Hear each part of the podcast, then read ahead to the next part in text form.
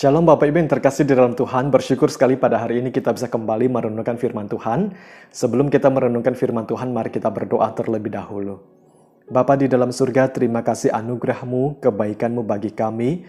Hari ini kami akan merenungkan firman-Mu, berkatilah kami agar kami mengerti firman-Mu, berikan kami kekuatan supaya kami dapat mengaplikasikan firman-Mu yang kami pelajari pada hari ini.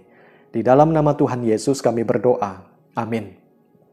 Renungan kita diambil dari satu Raja-Raja pasal 15 ayat 25 sampai pasal 16 ayat yang ke-20. Namun kita tidak akan membaca semuanya, saya mengajak kita membaca beberapa ayat saja, yaitu ayat 12 sampai 13 dan ayat 16 sampai 19. Demikian bunyi firman Tuhan. Demikianlah Zimri memunahkan seluruh keluarga Baesa sesuai dengan firman Tuhan yang diucapkannya kepada Baesa dengan perantaraan Nabi Yehu oleh karena segala dosa yang telah dilakukan Baesa dan Ela anaknya, yang mengakibatkan orang Israel berdosa pula, sehingga mereka menimbulkan sakit hati Tuhan Allah Israel dengan dewa-dewa kesia-siaan mereka. Setelah rakyat yang berkemah itu mendengar orang mengatakan, Zimri telah mengadakan persepakatan, dan ia pun telah membunuh raja. Maka pada hari itu juga di tempat perkemahan, seluruh Israel menobatkan Omri, panglima tentara, menjadi raja atas Israel. Kemudian Omri dengan seluruh Israel maju dari Gibeton dan mereka mengepung Tirsa.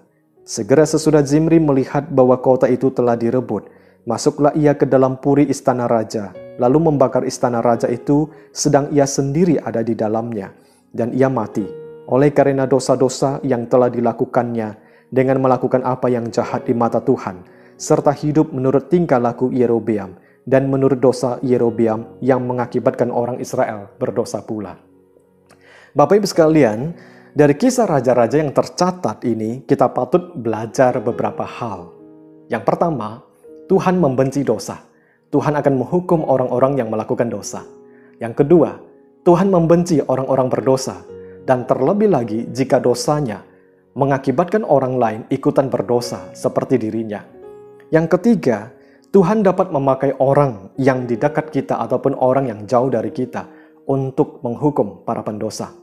Tuhan bisa memakai orang-orang jahat untuk menghukum orang-orang jahat dan pada akhirnya orang jahat dihukum oleh Tuhan. Kemudian yang keempat, dari segi waktu, ada yang sudah memerintah beberapa tahun baru mengalami hukuman Tuhan. Namun ada juga di dalam waktu yang singkat mereka memerintah, mereka dihukum oleh Tuhan. Seperti Raja Zimri yang kita baca, dia baru memerintah tujuh hari dan pada akhirnya dihukum oleh Tuhan. Tujuh hari adalah, tu, adalah hari yang singkat, namun itu adalah waktu yang sangat berarti. Seharusnya Raja Zimri mengadakan perubahan menjadi lebih baik, yaitu memimpin orang lain agar jangan berdosa lagi kepada Tuhan. Namun dia gagal. Bapak Ibu yang terkasih, mari kita selidiki hati, pikiran, dan hidup kita Adakah saat ini kita sedang hidup di dalam dosa dan melakukan apa yang jahat di mata Tuhan? Mungkin hal ini tidak kita sadari, Bapak Ibu sekalian. Mungkin bagi kita yang sedang melayani, kita pikir kita sedang memuliakan Tuhan.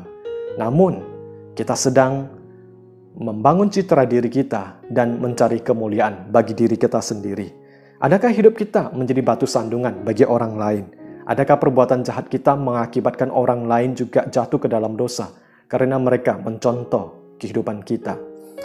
Jika kita hidup di dalam dosa, namun kita belum mengalami hukuman Tuhan, jangan merasa bahwa Tuhan tidak tahu apa yang kita lakukan. Saat ini mungkin Tuhan sedang memberikan engkau kesempatan untuk bertobat dan berbalik kepada Dia. Jika engkau tidak segera berbalik, maka percayalah, suatu saat akan datang waktunya bahwa hukuman Tuhan akan datang secara tiba-tiba. Bapak sekalian, Mari kita datang kepada Tuhan, membuka hati kita, membiarkan Dia bekerja di dalam kita, dan kita dipakai oleh Tuhan untuk memulihkan namanya. Mari kita berdoa.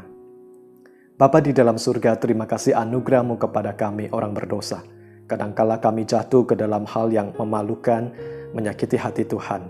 Engkau kembali memulihkan hidup kami, memakai kami supaya kami bisa menjadi berkat bagi orang lain, menjadi teladan bagi orang lain. Kuatkanlah kami supaya kami sungguh-sungguh memasyurkan namamu di mana pun kami berada. Di dalam nama Tuhan Yesus kami berdoa. Amin. Tuhan Yesus memberkati kita semuanya.